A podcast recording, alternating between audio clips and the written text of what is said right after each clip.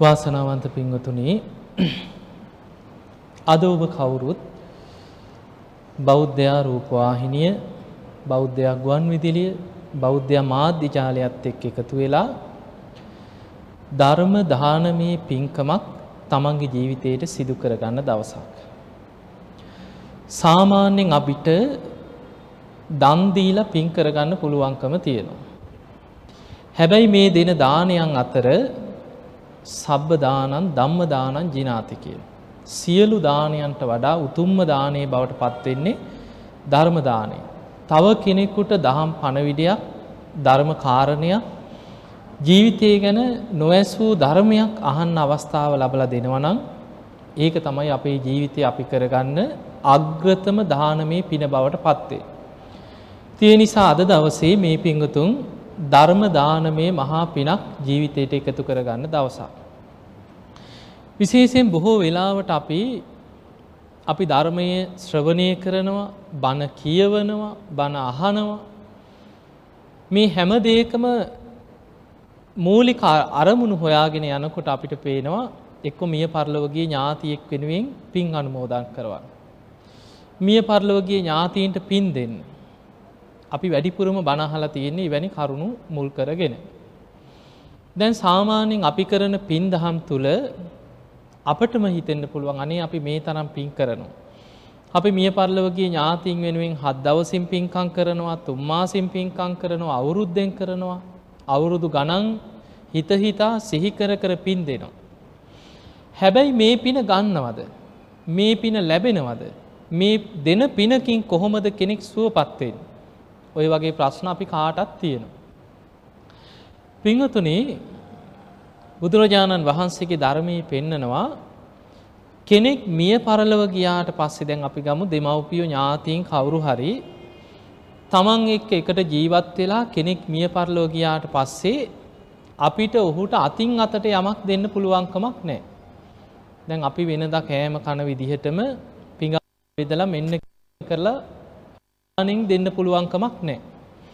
ඊළඟට අපි ඇඳුමක් ගත්තා මෙන්න අපේ මිය පරලොව ගියෙක් අම්මට තාත්තට ආච්චිට සීයට කියලා වෙනම අවුරුද්දට ඇඳුමක් දෙනවා වගේ ගෙනල්ලා Tamanට තෑග්ගක් හැටියට අතින් අතට යමක් දෙන්න පුළුවන්කමක් නැහැ.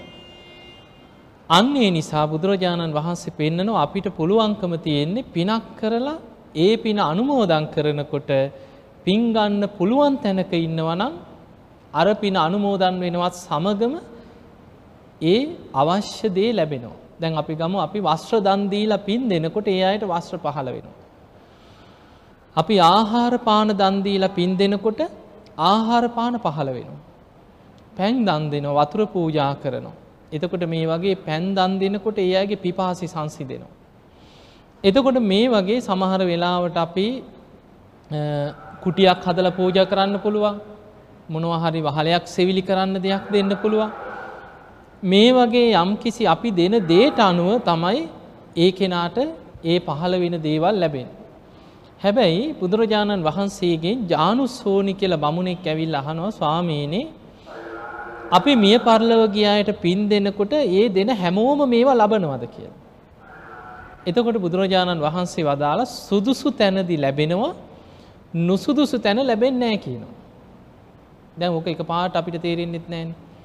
අර බමුණ අහනවා නේ ස්වාමීනි සුදුසු තැන මොකද්ද නුසුදුසු තැන මොකද්ද? මට තේරුම් ගන්න විස්තර ඇතුව කියලා දෙන්නේ කියලා. එතකොට බුදුරජාණන් වහන්සේ වදාලා බ්‍රාහ්මණය මේ කෙනෙක් මිය පරලොව ගිහිල් අපි ගමු ගොඩාක් අකුසල්ම කර කර හිටපු කෙනෙක් කියලා. මරණයට පත් වෙලා නිරේ උපදිනවා. එතකොට නිරේ ගිය කෙනෙකුට අපි මෙහි මොන විදිහේ දාන දීලා මොන විදිහේ විශාල පින්කම් කර කර පින් දුන්නත් ඒ පින් ගන්න පුළුවන්කමක් නැtei කිය. එයා දන්නේ සමහර විට අපි මෙහි පාංශුකුල දෙනකොට එහි ලෝදිය බොනවා. දන්නේ නැහැ. පින් ගන්න පුළුවන්කමක් නැහැ. ඒ අපායේ වැටුණාට පස්සේ නිරේකට ගියොත් නම් පින් ගන්න පුළුවන් තැනක් නෙමෙයි. පින් ගන්න බැරි අභව්‍ය තැනක් හැටියට විස්තර කරනවා. ඊළඟට ධර්මයේ පෙන්නනවනේ තිරිසං අපාය යන සත්වය ගැන. දැන් කෙනෙක් මරණයට පත් වෙනකොට ගොඩාක් අකුසල්ම කර කර ඉඳලා තිරිසං අපාය කියන්න කර්මය හදාගෙන තිරිසන් ලෝකෙ ඉපදිච්ච කෙනෙකුට අපි මිය පරලොවගේ ඥාතීන් වෙනුවෙන් පින් කර කර පින් දෙනවා. දැන් තිරිසන් සත්තු දන්නවද සාදු සාදු කියලා අපේ ඥාතීන් අපිට පින් දෙනව නේද කියලා අනුමෝදන් වෙන්නේ? එහෙම දන්නෙත් නැහැ. එතකොට තිරිසන් සත්තුන්ට කෑම බීම ලැබෙන්නේ මේ කවුරුත් දෙන පින් නිසාද? තමන් හොයාගෙන ගිහිල්ලා මොනවා හරි හොයාගෙන ගිහින් කනවා මිසා. අන්න ඒ නිසා තිරිසං අපායේ ඉපදිච්ච සත්වේකුටත් පෙර ජීවිතේ ඥාතීන් පින් දුන්නා කියලා ඒ පිනෙන් සුවපත් වෙන්න පුළුවන් කමක් නැහැ. ඊළඟට අපි ගමු manuss ලෝකේ මැරෙනකොට මොකක් හරි කරපු හොඳ පිනක් මතුවෙලා එයා manuss ලෝකේ ඉපදුනා කියලා. හොඳට පින් කරගත්ත කෙනෙක්. දැන් එයාගේ පෙර ජීවිතේ නෑදෑයෝ පින් කරලා පින් අනුමෝදන් කරනවා. දැන් ඒ කෙනාට manuss ලෝකේ ඉපදුනාට පස්සේ කන්න බොන්න ලැබෙන්නේ පෙර ඥාතීන් දෙන පින් නිසාද? නෑ. දැන් ඔබ හිතන්න ඔබ ජීවත් වෙන්නේ ඔබ යමක් හම්බ කරගත්තොත්නේ. ඔබේ උත්සාහයෙන් වීරියෙන් ඔබ යමක් ගොඩනගා ගත්තොත් ඔබ කරපු වපුරපු දේවල් වලට අනුව ඔබට ලැබෙන දේ ලැබෙනවා. ඔබ උත්සාහයෙන් හම්බ කරගත්තොත් ඔබට කන්න බොන්න පුළුවන්.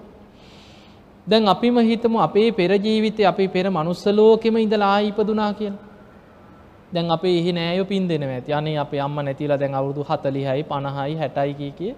එහෙ පින් දෙනවා. අපි ඒ පින් අනුමෝදන් වෙලා අපිට මෙහි ආහාර පහන ලැබෙනවද පිඟන් වලට? එහෙම නෑ. එතකොට manuss ලෝකේ ඉපදිච්ච කෙනෙකුටත් අර පෙර ඥාතීන් පින් දුන්නා කියලා ඒකෙන් සුවපත් වෙන ඒ පින අරගෙන සැප ලැබෙනව නෙමෙයි. ඊළඟට අපි දෙවියන්ට පින් දෙනවා. බුදුරජාණන් වහන්සේ වදාලා අපි දෙවියන්ට පින් දෙනකොට අපේ පින නිසා දෙවියෝ ජීවත් වෙනව නෙමෙයි. කෙනෙක් හිතන්න පුළුවන් ආ ওই දෙවියෝ ඉන්නෙත් අපි දෙන පින් නිසානේ. දෙවියෝ කියන්නේත් අපේ පිනෙන් යැපෙන පිරිසක්. ඒක වැරදි. දෙවියන්ට අපි පින් දෙනකොට බුදුරජාණන් වහන්සේ පෙන්නනවා දෙවියන් කියන්නේ පින් කරගත්ත පිරිසක්. අපට වඩා පින් දහම් කරලා පින බලවත් වෙලා තමයි සුගතිය ඉපදිලා තියෙන්නේ. එතකොට එවැනි දෙවිවරු බලනවා manuss ලෝකෙ කෙනෙක් පින් කරනකොට අනේ අසවල් අසවල් අය මේ මේ විදිහට ධාර්මිෂ්ඨව ජීවත් වෙනවා පින් දහම් කරනවා අපිවත් සිහිපත් කරලා අපිටත් පින් දෙනවා නේද මේ අය සුවපත් වේවා කියලා මේ පින් අනුමෝදන් වෙන දේවතාවරු අපට ආශිර්වාද කරනවා කියන. එතකොට අපි දෙවියන්ට පින් දෙනකොට පෙරලා ඒකේ ප්‍රතිඵලයේ ආශිර්වාද රැකවරණ ඔක්කොම තියෙන කාටද? පින් දෙන කෙනාට. අපිටමයි. එහෙම නැතුව අපේ පිනෙන් දෙවියන්ට දිව්‍ය භෝජන ලැබෙනව නෙමෙයි. දෙවියන් අපි පින් දෙනකොට සතුටු වෙලා අපිට ආශිර්වාද කරනවා. එතකොට අපි දෙන පිනකින් සුවපත් වෙන්න පුළුවන් මිය පරලොවගේ ඥාතියා පින් අපේක්ෂාවෙන් ඉන්න ප්‍රේතාත්මික ඉන්න කෙනෙකුට තමයි ඒ පින් අරගෙන සුවපත් වෙන්නේ. ඥාතීන් අතරත් ප්‍රේතයෝ අතරත් ධර්මයේ සඳහන් වෙනවා පින් ගන්නේ නෑ විශාල පිරිසක්. පිනට ද්වේෂ කරනවා. සමහර ප්‍රේත කොටස් ඉන්නවා නිජ්ජාම තන්හික කියලා ප්‍රේතයෙක් ගැන ධර්මයේ තියෙනවා. ඒ කණ්ඩායමේ උපදින ප්‍රේතයන් කුසගින්නේ පිපාසයෙන් මුළු ඇඟම දනවා කියන. හරියට රත්වෙච්ච ගල් තලාවකට උණ දළු ටිකක් කපලා දැම්මට පස්සේ ඇකිරිලා යනවා රස්නෙට.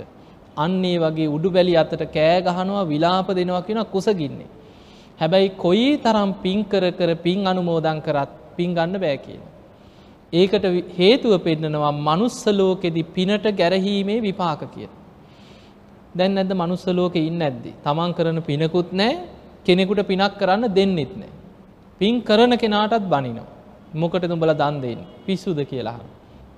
එතකොට මේ වගේ දන් දෙන කෙනාට බනිනවා පින් කරන කෙනාට බනිනවා පිනට නිග්‍රහ කරනවා පින කඩාකප්පල් කරන්න කටයුතු කරනවා. මේ වගේ පිනට නිග්‍රහ කරපු කෙනා මරණින් මත්තේ ප්‍රේතලෝකෙකට වැටුනත් බුදුරජාණන් වහන්සේ වදාලා පින්ගන්න බැරි ප්‍රේත කොට්ටාසක තමයිකෙන උපදී. අර කරපු අකුසලේ විපාකි හැටියට. ඊළඟට තියෙනවා කුණු පාස කියල ප්‍රේත කොටසක් ගැන විස්තර කරනවා මල කුණු තමයි කියෙන ආහාර කරගන්න. කොච්චර පින් දුන්නත් ඒ පිනෙන් ආහාර පාන ලැබෙන් නෑ කියන. ඒ අයගේ ආහාර තමයි මලකුණු. මිනි පුච්චනකොට උතුරලා යන උරුණු තෙල් ආග්‍රහණය කරනවා කියන. මිනි කුණු එනකොට ගලන ඕජාව ආග්‍රහණය කරනවා කිය. දරුවෝ ලැබෙනකොට ගලන ගැබ්මල ආග්‍රහණය කරනවා කිය. අර අසූචි වර්ග කුණු වර්ගම තමයි ආග්‍රහණය කරන්න. එවැනි ප්‍රේතයන්ටත් කොච්චර පින් දුන්නත් පින් ගන්න බෑ කියන. එතකොට අපි දෙන පිනෙන් සුවපත් වෙන්නේ. ඒ වගේ තව තියෙනවා පාංසු පිසාච ගූත කාදක කියලා ප්‍රේත කොටසක් ගැන තියෙන අසූචි ආග්‍රහණය කරන ප්‍රේතයෝ ගැන මේ වගේ ධර්මයේ නොයෙක් ප්‍රේත කණ්ඩායම් ගැන විස්තර වෙනවා. ඒ අතර ඉන්නවා පරදත්තූප කියලා ප්‍රේත කොටසක්. අන්නේ ප්‍රේතයන්ගේ ස්වභාවය හැම වෙලාවෙම බලාගෙන ඉන්නේ අනේ අපේ ඥාතීන් අපිට දැන් පිනක් දෙයි. අපේ දූ දරුවෝ ඥාතීන් මට දැන් පින් අනුමෝදන් කරයි දැන් මං වෙනුවෙන් පිනක් කරයි කියලා හැම වෙලාවෙම පින් ගන්න බලාගෙන ඉන්න ප්‍රේත කොටසක් ඉන්නවා. අන්නේ අයට තමයි කියන්නේ පරදත්තූප ප්‍රේතයෝ කියලා. අන්නේ වැනි ප්‍රේතයෙකුට විතරයි කියනවා කෙනෙක් පින් දෙනකොට ඒ පින් අනුමෝදන් වෙනකොටම සුවපත් වෙන්න. ඒකත් මේ වගේ. දැන් අපිට පින්දීලා දැන් අපි හිතනවනි. අනේ අපේ එක්කෝ මැරිච් අම්ම හරි තාත්ත හරි ආච්චි හරි සීය හරි මේ පින් අරගෙන සුගතිී යනවනං හොඳයි. දිවිය ලෝකෙකවත් යනවනම් අපි ආසයිනයවන්න හැබැයි අපිට ඕන විදිහට සුගතිී යවන්න බෑ. ඒ ඉන්න ආත්මි තුළ යම් කිසි සැපයක් ලබල දෙන්න පුළුවන් තාව කාලික වෙච්චරයි අපි ගමු අපි කරන පිනේ විපාකයට අනුව අර ප්‍රේතාත්මය ලැබිලා ඉන්න කෙනාට අවුරුදු කීපයකට සෑහෙන ආහාර පාන පහළ වෙනවා අර පින අනුමෝදන් වෙනකොට. හැබැයි පින කියන්නේ ගෙවිලා අවසන් වෙනවා. ඒ පිනේ ශක්තිය අවසන් වෙනකොට ආයෙමත් අර ප්‍රේතයට සාපිපාසාව දැනෙන්න ගන්න.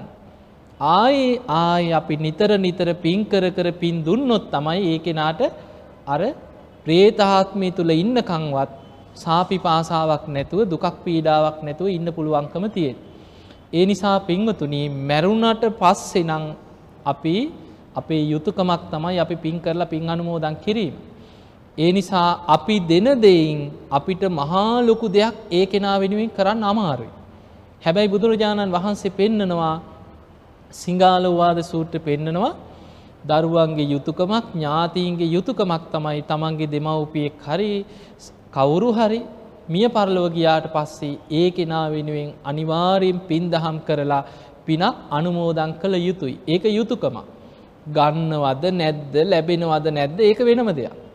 හැබැයි ඒ කෙනා ලබාගත්තේ නැතත් අපේ පින් ගන්න බලාගෙන ඉන්න ඥාති પરම්පරාව ගත්තත් මෙච්චරයි කියලා කියන්න පුළුවන්කමක් නැහැ. බලන්න ධර්මයේ තියෙනවා බිම්බිසා රජ්ජුරුවන්ගේ කල්ප 91කට පෙර නෑදෑයෝ. කල්ප 91ක් කියන්නේ පොඩි කාලයක්ද? කල්ප 91කට පෙර විපස්සී බුදුහාමුදුරුව පහළ වෙච්ච කාලේ කරපු අකුසලයක්.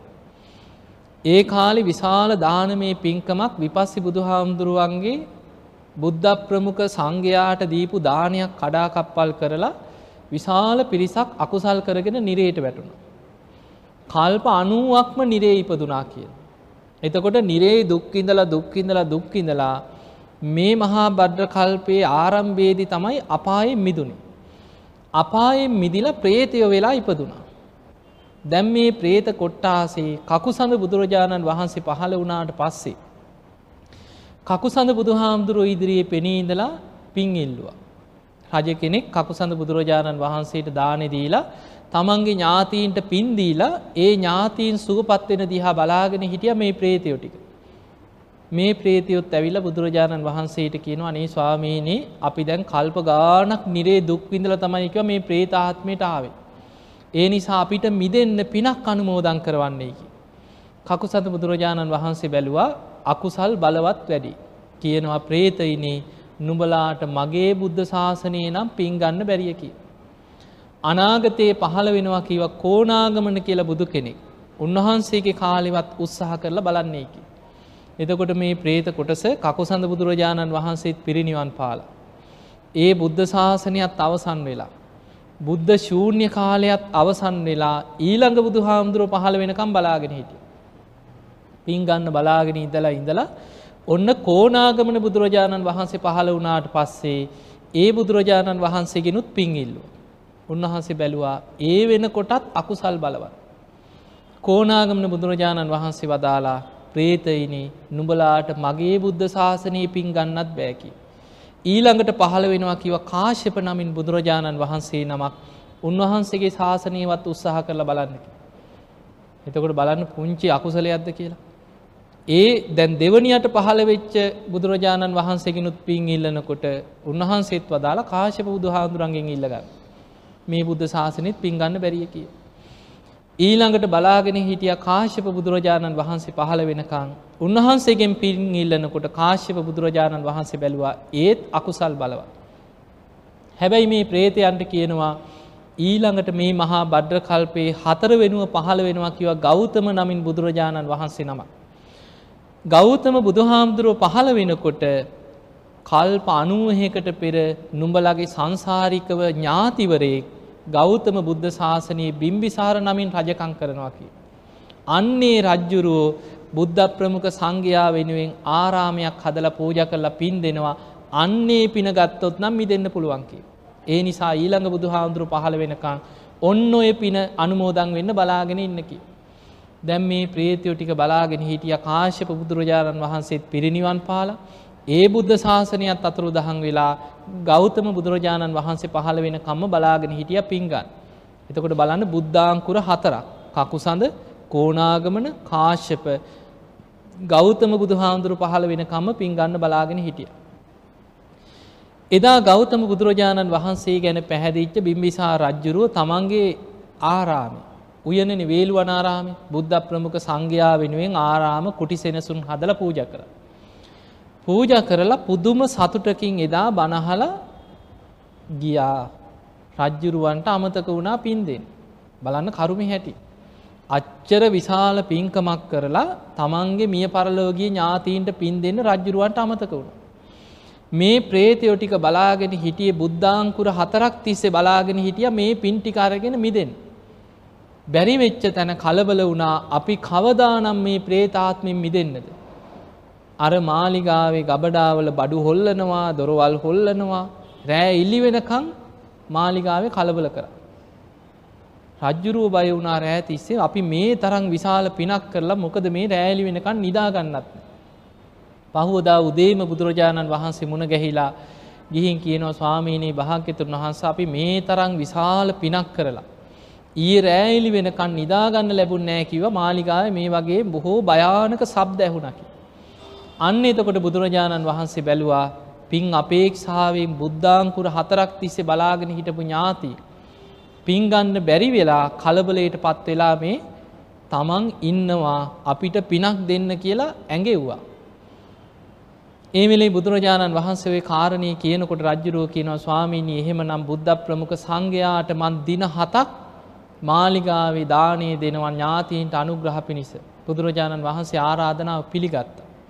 පිළිඅරගෙන බුදුරජාණන් වහන්සේ දානයට වැඩම කරපු වෙලාවේ උන්වහන්සේ අධිෂ්ඨානයක් කරා රජ්ජුරුවන්ට අර අමනුස්්‍යයෝ ටික පෙනේවා කියලා බුදුරජාණන් වහන්සේ අධිෂ්ඨාන කරා. නැත්නම් සාමාන්‍ය දිවසක් නැති කෙනෙකුට අමනුස්සෙක් පේනෑ. බුදුරජාණන් වහන්සේගේ අධිෂ්ඨානයෙන් රජ්ජුරුවන්ට පේනවා බැලූ බැලූ තැන්වල ඇට සැකිලි වගේ විරූපි ශරීර තියෙන ඥාති ප්‍රේතයන් විශාල පිරිසක් පිරිල බලාගෙන ඉන්නවා දානි දෙන්න හදනකොට. ඒ වෙලේ බුදුරජාණන් වහන්සේ වදාළ රජතුමනි දානෙ බෙදන කොටත් හිතන්න කීවා ඉදම් මේ ඥාතී නං හෝතු. මේ පිනෙන් ඥාතීන් සුවපත්තේවා. පැම් පූජ කරනකොටත් හිතන්න කිව ඉදම් මේ ඥාතී නං හෝතුව කියමින් පැම් පූජ කරන්න. සිවුරු පිරිකර පූජා කරනකොටත් ඥාතීන්ට පින් දෙන්නකි. එතකොට බුදුරජාණන් වහන්සේ ප්‍රමුඛ සංඝයාට දානි පූජා කරලා ඥාතීන්ට පින් දෙනකොට අර ඥාතීන්ගේ කුසගින්න සංසිදුන. ආහාර පහළ වුණ. පැන් පූජා කරලා පින් දෙනකොට පිපාසි සංසිදුන. සිවුරු පූජා කරලා පින් දෙනකොට වස්ත්‍ර පහළ වුණ. ඔය විදිහට බුදුරජාණන් වහන්සේට දින හතක්ම දන්දුන්නා දින හතේම තිරෝකුඩ්ඩ කියන සූත්‍රයෙන් බුදුරජාණන් වහන්සේ දහම් දෙසවා අර මිය පරලෝගේ ඥාතීන්ට අනුග්‍රහ පිණිස. ඔන්න ඔයි දේශනාව තමයි තියෙන්නේ ඔය අපි අහලා තියෙන පැන් වඩනකොට කියන්නේ යථවාරි වහා පූරා පරිපූරෙන්ති සාගරං ඒව මේ වයිතෝ දින්නම් පේතානං උපතප්පති කියලා ගාථාවක්. අන්නේ ගාථාව තියෙන තිරෝකුඩ්ඩ සූත්‍රය. ඒ දේශනාව තියෙන්නේ ගාථාව තියෙන්නේ හරියට ඉහළ ඉඳං ගලාගෙන යන ජල පහරක් පහල තියෙන හිස්තැන් පිරී ඉතිරීගෙන මහා සාගරයට වතුර ගලාගෙන යනවා. අන්නේ වගේ පින් දහම් රැස් කරගත්ත කෙනෙක් තමන්ගේ ජීවිතයේ පින් රැස් කරගෙන මිය පරලෝගී ඥාතීන්ට පින් දෙනකොට ඒ අයගේ ජීවිතත් පිනෙන් පිරිලා ඉතිරිලා ඒ අයි සුවපත් වෙනවා කියලා. එතකොට පින්වතුනි අපිට මේවැන් පේනවා කෙනෙක් මිය පරලව ගියාට පස්සේ. යමක් රැස් කරගන්නවා කියලා හිතාගෙන ජීවත්වෙන එක බොහොම භයානක දෙයක්. මොකද සමහරු ඉන්න එහෙම අදහස් වල ඉන්නවා. අපිට හම්බෙනවා දැම් මම ඇම්බිලි පිටිය මේ ළඟදි ධර්ම දේශනාවකදී වයසක අම්ම කෙනෙ. අනේ හාමුදුරුවන්ව බලන්න ආසයි කියලා ඉතින් දරුවෝ එක්කරගෙන ඇවිල්ලා බණ ඉවර වෙච්ච ගමන් එක්කන් ආවා. අවුරුදු 85ක් විතර ඇති. ඉතින් මගේ යන බණ ධර්ම දේශනා නිතර අහනවා කියලා. ඉතින් මම ගොඩක් වෙලා කතා කළා මං ඇහුවා අනේ හාමුදුරනේ පොඩි කාලේ ඉඳන් සීල් ගන්නවයි කිව්වා. මේ ඉහේ කෙස් ගාන්න සාංගික දාන දීලා තියෙනවා කිව්වා. කටින පින්කම් 10ක් කරා කිව්වා. ඉතින් මං ඔය ඔක්කොම අහගෙන ඉඳලා මං කිව්වා ඉතින් අම්මා දැන් ගොඩාක් පින් කරලා තියෙනවනේ බය වෙන්න දෙයක් නැහැ නේ අම්මට කියලා. ඒ වුණාට හාමුදුරනේ කියන්න බෑ කිව්වා. විශ්වාස නැතේ කිව්වා. ඒ නිසා මම නම් කියලා තියෙන්නේ මගේ ළමයින්ට මම මැරුණට පස්සේ උඹලා හොඳට මට දානයක් දීලා පින් දීපල්ලා කියලා කිව්වා. ඔන්න බලන්න අච්චර පින්කම් කරපු අම්මා හිතාගෙන ඉන්නේ මැරුණට පස්සේ ළමයින්ගේ පින් අනුමෝදන් හරිද වැරදිද? Tamanට තියෙන්න එපෑ මම පින් කරගත්ත කෙනෙක්. මම මෙච්චර කටින පින්කම් කරා. මම මේ තරම් දානි දුන්නා. මම ඒකාන්තයෙන්ම සුගතියමයි කියලා Tamanට Taman කරපු පින ගැන විශ්වාසයක් තියෙන්න එපෑ. එතකොට බලන්න කොච්චර පින් කරලා තිබුණත් Tamanට Tamanගේ පින ගැන විශ්වාසයක් නැහැ. ඒ නිසා පින්තුනේ පින් කරන්න පෙරම අවශ්‍ය දේ තමයි කර්ම කර්මඵල විශ්වාසය තියෙන්න ඕන. ඒකයි බුදුරජාණන් වහන්සේ පෙන්වන්නේ පළවෙනිම දේ තමයි තෙරුවන් සරණ යන්න ලෞකික සම්මාදිට්ඨිය ඇති කෙනෙක් වෙන්න කියලා. ලෞකික සම්මාදිට්ඨිය උගන්වන්නේ තමන් කරන පිනේ විපාක තමන්ට ලැබෙනවා කියලා ඒ ගැන තමන්ට විශ්වාසයක් තියෙන්න ඕන. එහෙමනම් අපි මෙච්චර දන් දුන්නා කියලා අපිට විශ්වාසය තියෙනවා නම් තමන් දැනගන්න ඕනේ එහෙමනම් මම ගොඩක් පින් කරගත්ත කෙනෙක්. මම මේ වගේ පින් කරගත්තා ඒ නිසා මම බය නැහැ මං කොහොමත් සුගතියමයි කියලා තමන්ට තමන් ගැන විශ්වාසයක් තියෙන්න ඕන. මැරුණට පස්සේ දැන් මෙච්චර පින් කරලා මැරුණට පස්සේ ළමයින්ට කියන්න ඕනේ මට පින් දීපල්ලා කියලා. අන්න ඒ නිසා පින්වතුනි ජීවත් වෙලා ඉන්න කාලේ හැම වෙලේම හිතන්න මරණ මංචකයේ දක්වාම ධර්මයෙල්ලෙන්න පුළුවන්කම තියෙන. දේශනාවල් වල තියෙනවා දැන් ওই ධනංජානි කියලා බමුණෙක් ගැන තියෙනවා මරණාසන්න වෙනකොට නිරේ යන්න කර්මය හැදිච්ච බමුණේ. පුළුවන් තරම් අකුසල් කර කර හිටිය. සාරිපුත්ත හාමුදුරුව දැක්කහම කතාබහ කරනවා උන්වහන්සේ පිණ්ඩ පාත යනවා දැක්කොත් දාන ටිකක් තිබ්බොත් ගිහින් බෙදනවා. හැබැයි සාරිපුත්ත හාමුදුරුව කියනවා බ්‍රාහ්මණය ඔය වගේ දේවල් නම් කරන්න එපා අකුසල් කරන්න එපා අපායයි ඒ මොන උපදෙස් කිව්වත් ධර්මය නම් හැසිරුණේ නෑ. ස්වාමීනී ඉතින් ඔබ වහන්සේ නම් කියයි කියන. අපිට තමයි වැඩ කටයුතු තියෙන්නේ ඒ නිසා අපි ධර්මයෙන් හරි අධර්මයෙන් හරි අපිට ඕන කීයක් හරි හම්බ කරගන්නේ කිය. ඔහොම කිය කියා පුළුවන් තරන් දුස්සීලව හිටිය. ඉඳලා මරණාසන්න මොහොතේ පෙර නිමිති පහළ වෙන්න පටන් ගත්තා. බොහෝ දෙනෙකුට මරණාසන්න කාලය එනකොට නිමිති පහළ වෙන. මේක බොහොම භයානක දෙයක්. මේක ධර්මයේම තියෙනවා නිරේ යන්න කර්මය හැදෙනවනං සමහර වෙලාවට ඊට පෙර සතියක් දෙකක් වගේ තියලා සමහරුන්ට ගිනි දැල් පේන. යම පල්ලු පේනු. තමන් ඇදගෙන යනවා පේනු. කපනවා කොටනවා මෙෝ පේනවා. සමහරු කෑ ගහනවා විලාප දෙන. එහෙම අපිළඟට ඇවිල්ල කියනවා සමහර. අනේ හාමුදුරනේ අපේ අම්ම මැරුණ මෙහෙමයි තාත්ත මැරුණම විස්තර කියනවා සමහර. කෙනෙක් රෝධපුටුවක් ගෙනත් දෙන්න ඇවිල්ලා මම ඔය කරපු පින්කමකට රෝධපුටු එකතු කරපු වෙලාවේ. තී දරුව රෝධපුටුවක් ගෙනහලා පූජා කරලා මට කියනවා අනේ හාමුදුරනේ මං ඉතින්ගේ මැරිච්ච තාත්තගේ නම කියලා හොඳට පින් දුන්නා. පින් දුන්නට පස්සේ මේ දරුවෝ කියනවා අනේ හාමුදුරනේ තාත්තනම් පින් ගන්න තැනක නැතුව ඇති කියලා. මං ඇහුවා ඇයි ඒ කියලා. හාමුදුරනේ නැති වෙන්න සතියක් විතර තියලා කෑ ගැහුවා කීවා අර දොර වහපිය පේන්නේ නැද්ද ගින්දර එනවා මාව පිච්චෙනවෝ කියලා කෑ ගහනවලු දොර වහපන් කියලා. දොර වැැහුවට පස්සේ කෑ ගහනවලු ඇයි පේන්නේ නැද්ද මේ ජනෙල් වලින් ගින්දර එනවා මාව පිච්චෙනවෝ කී කී කෑ ගහනවා. රෑ තිස්සේ යටිගිරියෙන් කෑ ගැහුවා කිව්වා මට උල් වලින් අනිනවා මාව කපනවා උඹලට පේන්නේ නැද්ද මගේ අතපය කපනවෝ කී කී රෑ මෙහෙම කෑ ගහලා කෑ ගහලා තමයි කිව්වා මැරුණේ. මේ විස්තරේ කියලා මේ දරුවෝ කියනවා අනේ හාමුදුරනේ තාත්තනම් ඉන්නකම් පිනක් කරපු මිනිස්සෙක් නෙමෙයි කියලා. කරුණු ඇත්තම කියලා කිව හාමුදුරුව අපි කවුද කින්ද මන්ද කියන්න එපා බණටත් කීවට කමක් නැතේ කියලා නැන්න අහගෙනත් ඇතිරනේ ඉති ඒ නිසා අපිට පේනවා ඔන්න මරණාසන්න වෙනකොට වෙනදේ. එතකොට බලන ඒ දරුවම හැබැයි ඇත්ත කියන අනි හාමුදුරනේ ඉන්න කන්නම් පිනක් කරපු මනුස්සෙක් නෙමෙයිකි. හැබැයිති පෝස්ටරී තියෙන ඇති නිවන් සැප ලැබේවා කියලන ඒක කෝමත් ගහනවන. හැබැයි බලන්න කොයි තරම් භයානකයිද කියලා. ඒ වගේ අර දනංජානි බමුණටත් මරණාසන්න වෙනකොට නිරේ යන්න කර්මය හැදුන. සාරිපුත්ත හාමුදුරන්ට ඉක්මනට පණවිඩයක් එව්වා බ්‍රාහ්මණයට හොඳටම අමාරුයි ඉක්මනට සාරිපුත්ත හාමුදුරන්ට පුළුවන්නම් මා බලන්න එන්නේ කියල පණවිඩයක් එවලා තිබ. ති සාරිපුත්ත මහරහතන් වහන්සේ ගියා. යනකොට ඇදේ උඩු බැලි අතට වැතිරිලා හොඳටම වේදනාවෙන් විලාපදිදී ඉන්න. මේ සාරිපුත්ත හාමුදුරු ගිය ගමන් අහනවා බ්‍රාහ්මණය කොහොමද ඔබට ඉවසන්න පුළුවන් දැහව කච්චිතේ කමනිය ඔබට දරාගන්න පුළුවන්. කච්චි යාපනියන් ඔබට ඉවසන්න පුළුවන් ඔබේ දුක්වේදනා එන්නෙන් අඩුවෙනවද වැඩි වෙනවද කියලා අසනීප ගැන ඇහුව. දේශනාව තියෙනවා මේ බමුණ කියනවා තමන්ට දැනෙන දේවල්. ස්වාමීනී කෙනෙක් ඔළුව වටේට මගේ කඹයක් වෙලලා. කිටි කිටිගාල හිස හිර කරනවා වගේ විශාල වේදනාවක් ඔළුවෙන් දැනෙනවා කිය. තියුණු පිහියක් අරගෙන මගේ හිස්මුදුන පලනවා වගේ තේරෙනවා කිය. මස් කපන පිහියකින් බඩ තීරු තීරු කපනවා වගේ දැනෙනවා කියන වේදනාව. ඊළඟට කියනවා හතර දෙනෙක් මාව උත්සං ගිහිල්ලා ගිනි අඟුරු වලකට දාලා මාව පුච්චනවා වගේ ඇඟම පිච්චෙනවා දනවා කිය. තින් සාරිපුත්ත හාමුදුරුව දැනගත්ත මේ බමුණ ඉන්නකම් පිනක් කරපු බමුණෙක් නම් නෙමෙයි. දැන්නම් මේ අපා යන්නම තමයි කර්මය හැදිලතිය. සාරිපුත්ත මහරහත්තන් වහන්සේ කියනවා දැන් ඔබ මේ විදිහට හිතන්න ඕන කියෝ. දැන් ඉතින් මැරෙන්න යන කෙනා. අන්තිමට මරණ බයත් එක්ක කොහි හරි එල්ලෙන්න බලනොන් සාරිපුත්ත හාමුදුර උපදෙස් දෙනකොට කොහොම හරි වැඳගත් අත් දෙක එකතු කළ වැඳගත්. සාරිපුත්ත හාමුදුරුව කියනවා බ්‍රාහ්මණය නිරේ කියන්නේ නම් බොහෝම දුක් සහිත තැනක් කිය.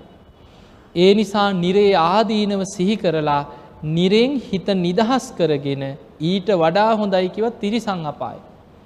ඒ නිසා නිරේට වැඩිය හොඳයි මට තිරිසන් ලෝක කියලා තිරිසං අපායි හිත පිහිටවන්න කිව. ඇයි නිරේ යනුවට වැඩි හොඳ නැද තිරිසන් ලෝකට යනේ. ඒ නිසා තිරිසං අපායට හිත ගත්තා එක පාට සුගති යවන්න බෑ. අකුසල් බලවත් වැඩි. එතකොට නිරේ යන්න යන කෙනා නිරේ ආදීනව සිහිකරෝල තිරිසන් ලෝකෙට චුට්ටක් උස්සල තිබ්බා. තිරිසං අපායි හිත පිහිටියට පස්සේ සාරිපුත්ත හාමුදුරුව කියනවා දැන් ඔබ හිතන්න කීවත් තිරිසං අපාය කියන්නේ දුක් සහිතයි. තිරිසන් ලෝක ඉපදුනාට පස්සේ හැම වෙලායම තියෙන්නේ බයයි තැති ගැනීම. දැන් බලන්න ඔයි දේශනාවල තියෙන පෙරනිමිති ගැන කියනකොට තිරිසං අපාය යන්න කර්ම හැදෙන අයට මරණාසන්න වෙනකොට වැඩිපුරම දැනෙන්නේ බයයි තැති ගැන්මයි කියන. සමහරු ඇඳේ උන්ඩි වෙනවා. කතා කරත් බයයි. ලොකු වෙවුලනවා හැම වෙලාම මරණාසන්න කාලේ උන්ඩි වෙනවා ඇකිලෙනවා වෙවුලනෝ ලොකු බයකින් ඉන්නේ. එතකොට තිරිසන් සත්වයන්ගේ ස්වභාවේ තමයි හැම වෙලාම බයින් තැතිගන්න. අන්නේ නිසා තිරිසන් ලෝකෙත් ආදීනව සිහි කරලා සිහි කරලා තිරිසන් ලෝකට වැඩිය ටිකක් හරි හොඳයි කියලා පෙරේත ලෝක හිත පිහිටවන්නකි. දැම් බලන්න නිරෙන් තිරිසන් ලෝකෙට ගත්තා එතනින් පෙරේත ලෝකෙට හිත පිහිටෙව්. ඇයි කවරු හරි දෙන පිනක් හරි අනුමෝදන් වෙලා ඉන්න බැරිය. ප්‍රේතලෝක හිත පිහිටියට පස්සේ උන්වහන්සේ කියනවා දැන් ඔබ හිතන්න කීව ප්‍රේතලෝක කියන්නේ දුක් සහිතයි. අන්න එතනට අහවට පස්සේ තම එතන ආදීනව සහි කරන්න. ඒ නිසා ප්‍රේතලෝකෙත් ආදීනවම හිතලා හිතලා ඊට වඩා හොඳයි මට මනුස්සලෝක කියලා මනුස්සලෝක හිත පිහිටවන්නකි. හැබැයි මනුස්සලෝකේ තමන්ට ඕන හැටියට හිත පිහිටවන්න බෑ. සාරිපුත්ත හාමුදුරුව ඒ වෙලාවේ සිල් සමාදන් කරලා තුනුරුවන් ගැන සද්ධහා ඇති වෙන විදිහට බණ කියනකොට අන්න හිතේ සද්ධහාව ඇති වෙන. තුනුරුවන් ගැන හිත පහදිනවා. අන්න එහෙම හිතේ පැහැදීම සද්ධාව ඇති වෙනකොට ප්‍රේතලෝකෙන් හිත මිදිලා අන්න මනුස්සලෝක හිත පිහිටිය. දැම් මනුස්සලෝකෙත් හිත පිහිටියට පස්සේ සාරිපුත්ත හාමුදුරුව කියනවා බ්‍රාහ්මණය මනුස්සලෝක කියන්නේ දුක් සහිතයිකි.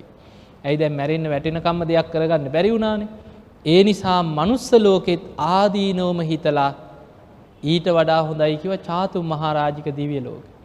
හැබැයි දෙව්ලොව යන්න නම් තියෙන්න්න ඕන කරුණු පහක්. සද්ධහා සීල සුත තියාග ප්‍රඥාකයෙන්. ඒවට කැන සේක බල තුනුරුවන් ගැන සද්ධාව තියෙන්න්න ඕනෑ සුගතියන්. සීලවන්තකම තියෙන්නවා. සුත කියන්නේ දහම් දැනුම හොඳට දියුණු කරගෙන තියෙන්නවා. තියාග සම්පත්තිය කියන අතහැරීම දන්දීම පින් කරගෙන තියෙනවා. ප්‍රඥාව කියන්නේ ධර්මයේ නුවණින් විමසලා ඇති කරගත්ත වැටහීමක් ටික ටික හරි දියුණු කරගෙන තියෙන්න ඕන. එතකොට මේ කරුණු පහ වැඩෙන විදිහට සාරිපුත්ත හාමුදුරුව බණ කියන. අර කරුණු කියාගෙන කියාගෙන යනකොට වැඳගෙන අහගෙන ඉන්න බමුණගේ හිතේ මේ කරුණු පහ ටික ටික වැඩීගෙන ගියා මනුස්ස ලෝකෙනුත් හිත මිදිලා දිව්‍ය ලෝකෙ හිත පිහිටිය. සාරිපුත්ත හාමුදුරුව තවදුරටත් බණ කියාගෙන කියාගෙන යනකොට හිතේ සමාධියක් ඇති වුණ.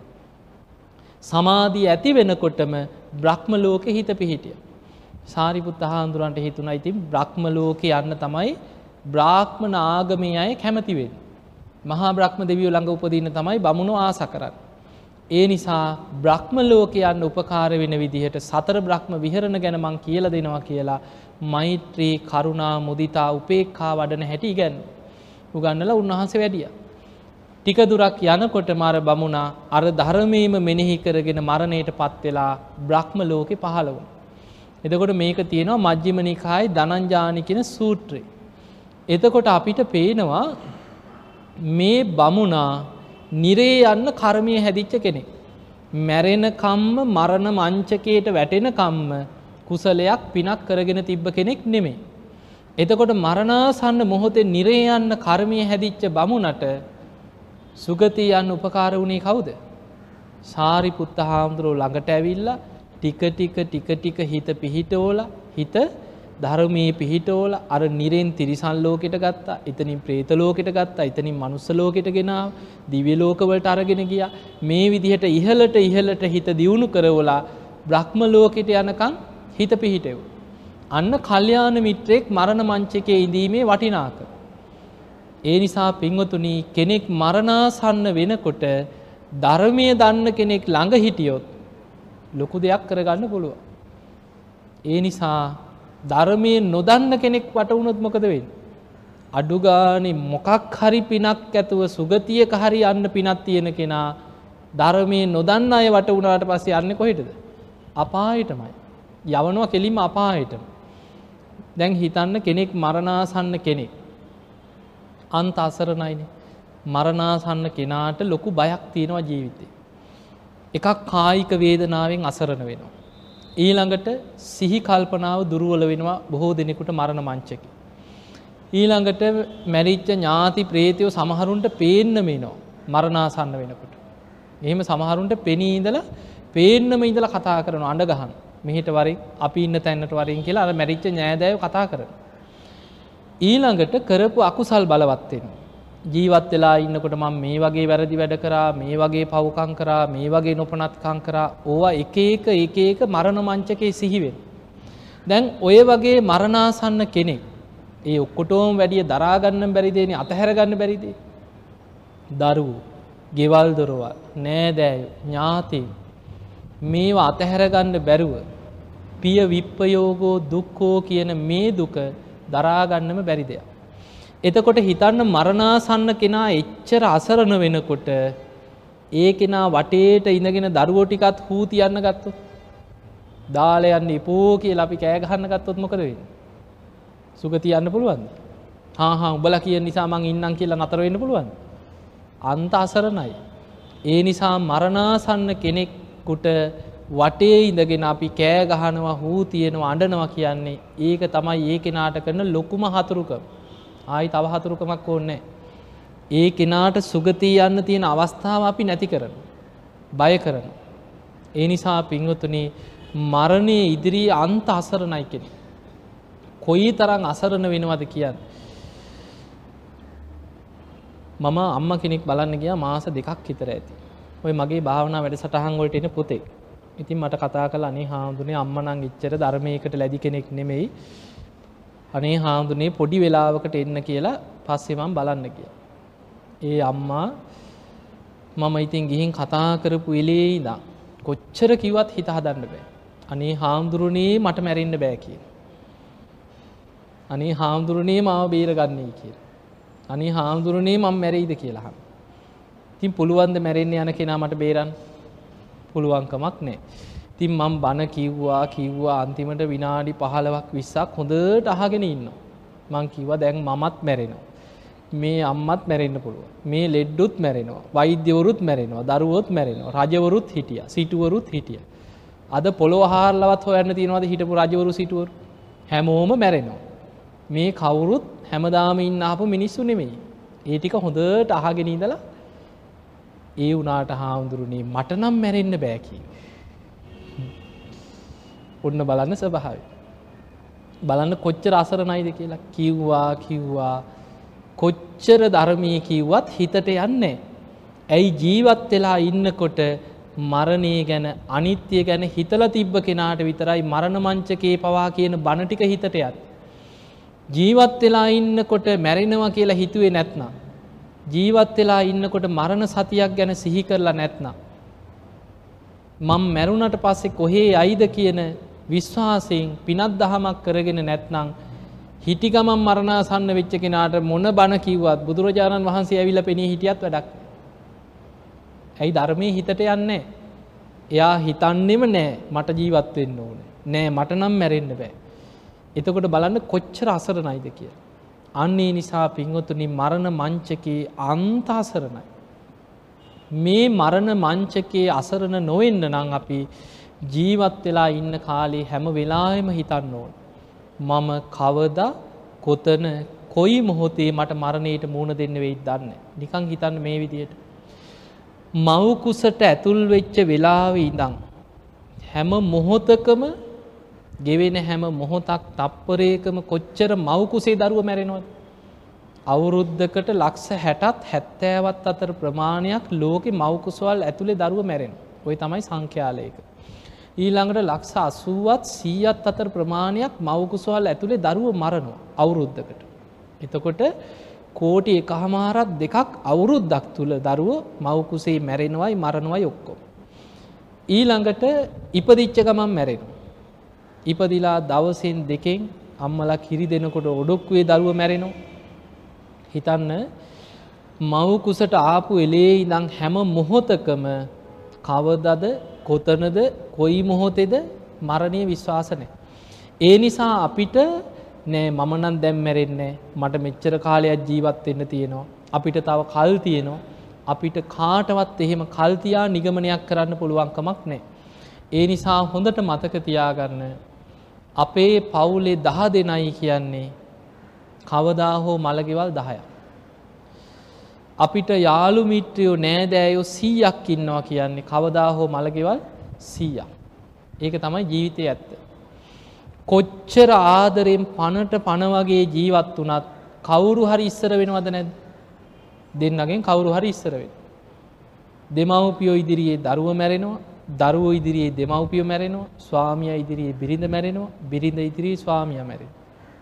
බුදුරජාණන් වහන්සේ උපමාවකට පෙන්න්නනවා මරණය කියන්නේ හරියට ගවයෝ මරණ ගව ගහතකෙක් හරක් රංචුවක් කොටු කරගෙන ඇවිල්ලා තියාගෙන එක ඒක දවසට සමහර වෙලාවට වයිසක එක්කෝ හරකෙක් ගෙනියනවා එක පැටියෙක් ගෙනියනවා තමන්ට අවශ්‍ය අවශ්‍ය ගවය අරගෙන මරන්න ගන්නවා දවස ගානයර රංචුවේ. අන්න ඒ වගේ බුදුරජාණන් වහන්සේ වදාලා ගවයම් මරන්නා එක ඒක ගවයාව මරණයට අරගෙන යනවා වගේ. නෑදෑයු ඥාතිීන් යාළු මිත්‍රයෝ හඬා වැලපෙද්දී එක එක් කෙනා මාරය අරගෙන යනවකෙන තමන්ට ඕන ඕන වෙලාවට.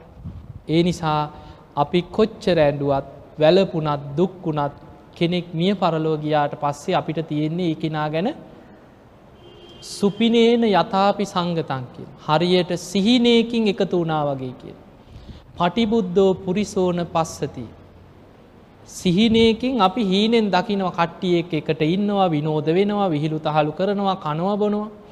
හීනෙන් නැකිට්ටට පස්සේ අවදි වුණාට පස්සේ ඒක මතකයක් විතරයි. ඒවම් පියාහිතන් ජනං පේතන් කාලකතන්න පස්සතිීකෙ. අන්නේ වගේ තමයිකෙන අපි ප්‍රිය කරපු අය. අපි එක් එකට ඉඳලා අපිත් එක්ක මේ වගේ හිටිය මේ වගේ විහිළුතාරු කරා මේ වගේ ජීවත් වනා මේ වගේ විනෝද වුණා ඒව ගැන අපි සිහි කර කර මතකයක් හැටියට විතරක් සිහි කරනවා මිසක් මිය පරලව ගිය අය ආය එන්නේ නෑ. ඒ නිසා පිංහතුනි මරණය කියලා කියන්නේ හරි පුදුම දෙයක් ජීවිතේ. අපි කාටත් කවද හෝ කොයි මොහොතක හෝ මරණයට මූුණ දෙන්න සිද්ධ වෙනවා මයි. ඊළඟ දේ තමයි සංසාර ගමන ගැන හිතනකොට දේශනාවලම බලන්න ති අර සාරිපුත්ත හාමුදුරුවන්ගේ ආත්ම පහකට කලින් අම්ම කෙනෙක්. ප්‍රේතියක් වෙලා පින් ඉල්ලපු සිදුවීමක්තිය.